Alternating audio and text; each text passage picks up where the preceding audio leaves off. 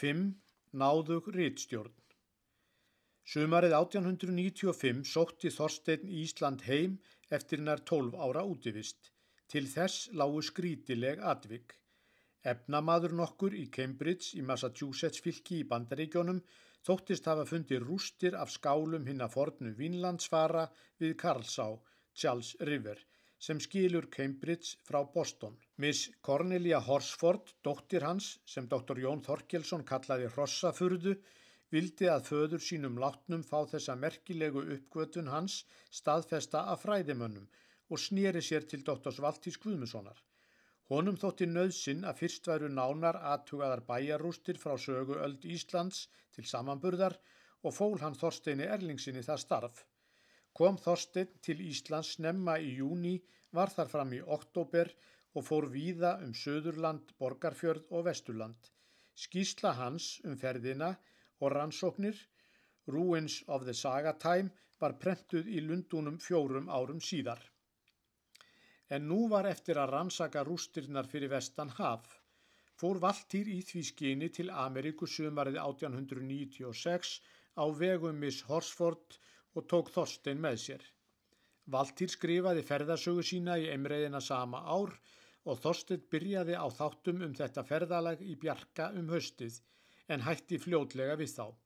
En til er all nákvæm ferðadagbók hans frá 27. mæ er þeir félagar fóru frá höfn til 13. ágúst er þeir komu aftur til Hamburgar.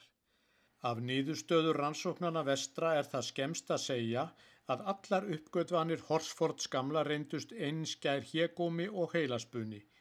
Valtýr leitaðist við að orða skýslu sína sem vægilegast en Þorstein var brátt argur yfir bábiljum og ágengni hrossaförðu og eldu þau löngum grátsilfur.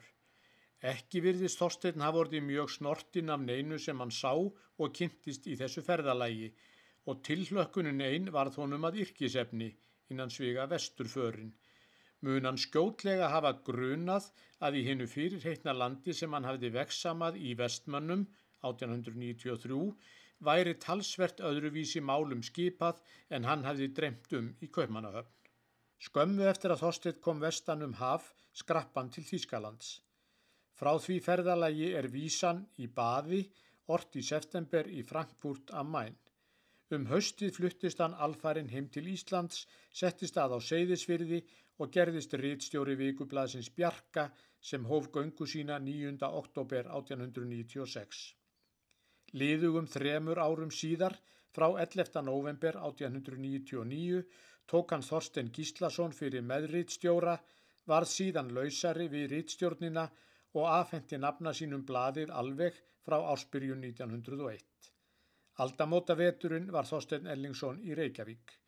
En höstið 1901 fór hann vestur á Bíldudal og stopnaði þar Arnfyrðing sem ímist var hálsmánadar eða vikublað og kostaði Pétur Kaupmaður Torstinsson útgáfuna. Sumari 1902 fluttist Torstein til Reykjavíkur og átti þar heima upp frá því. Hann flutti artfyrðing með sér og gaf blaðið út hér síðra til 24. janúar 1903 en þá lagði hann það niður og fegst ekki við rítstjórn síðan. Ekki fannst mönnum svo mikið til um blaðamennsku Þorsteins sem flestir munu hafa búist við. Þóttan skrifaði margt og vel og viðaði ímsu skemmtilegu efni í blöð sín. Honum var þetta starf því ógeðfeldara sem lengra leið og fer um það hispuslausum orðum í síðasta tölublaði artfyrðings. Blaðamennska hér á landi er ekkert skemmtiverk, því þó maður leiðist til að vinna það til matar sér um stund, þá getur endirinn orðið sá að maður kjósi heldur sultin. Blaðamennska er jafn ógýrnileg hvort sem vinna á sér til matar eða ánæju og þó verst ef einhverju ætti að vinna til gags. Honum leittist pólitíkin og mun aldrei hafa verið vel ánaður með valtískuna þóttan fyldenni.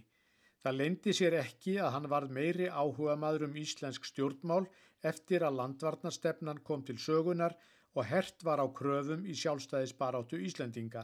En hann fekk kvorki á rítstjórnar árum sínum nýja síðar tækifæri til þess að beita sér að ráði fyrir hinnum þjóðfélagslegu umbótum sem á hafnar árum hans hafðu verið honum einna ríkastar í huga, sjá áttunda kabla. Tótt stopnendur og eigendur blada þeirra er hann stjórnaði væru ágætis menn og letu hann að mestu sjálfráðan, fannst honum þessi náðuga rítstjórn vera líkust því að hann væri í vist eins og hann kemst að orði í eten, en honum fjall betur að vera í sjálfsmennsku. Þegar Þorstein leta rítstjórn 44 ára gamall stóðan í rauninni svipað af víi sem í höfn 1887 er garstyrkur hans var þrótin. Hann varð að miklu leiti að sjá sér og sínum farborða með tímakenslu og tækifærisvinnu. Að vísu nauta nú skáld styrks úr landsjóði, þessi styrkur var fyrst veittur honum 1895. Varð um hann all mikil senna á alþingi og líklega talsvert kostnaðar meiri fyrir landið en fjárveitingunni nam. Styrkurinn var framan af 600 krónur á ári, 120 krónum lægri en námstyrkur sá sem Danir veittu þá íslenskum stúdendum.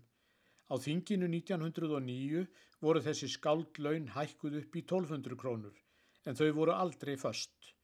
Alltaf gerðust einhverji þingmenn til þess að telja þau eftir og reyna að fá þau afnuminn.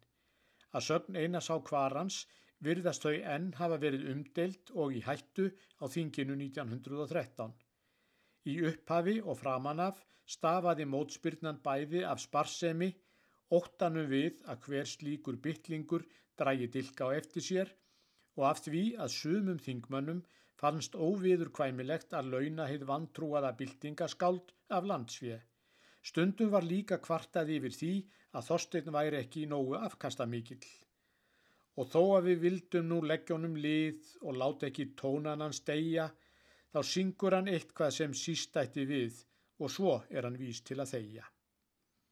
Setna voru það engum andstæðingar hans í stjórnmálum sem úr töldu.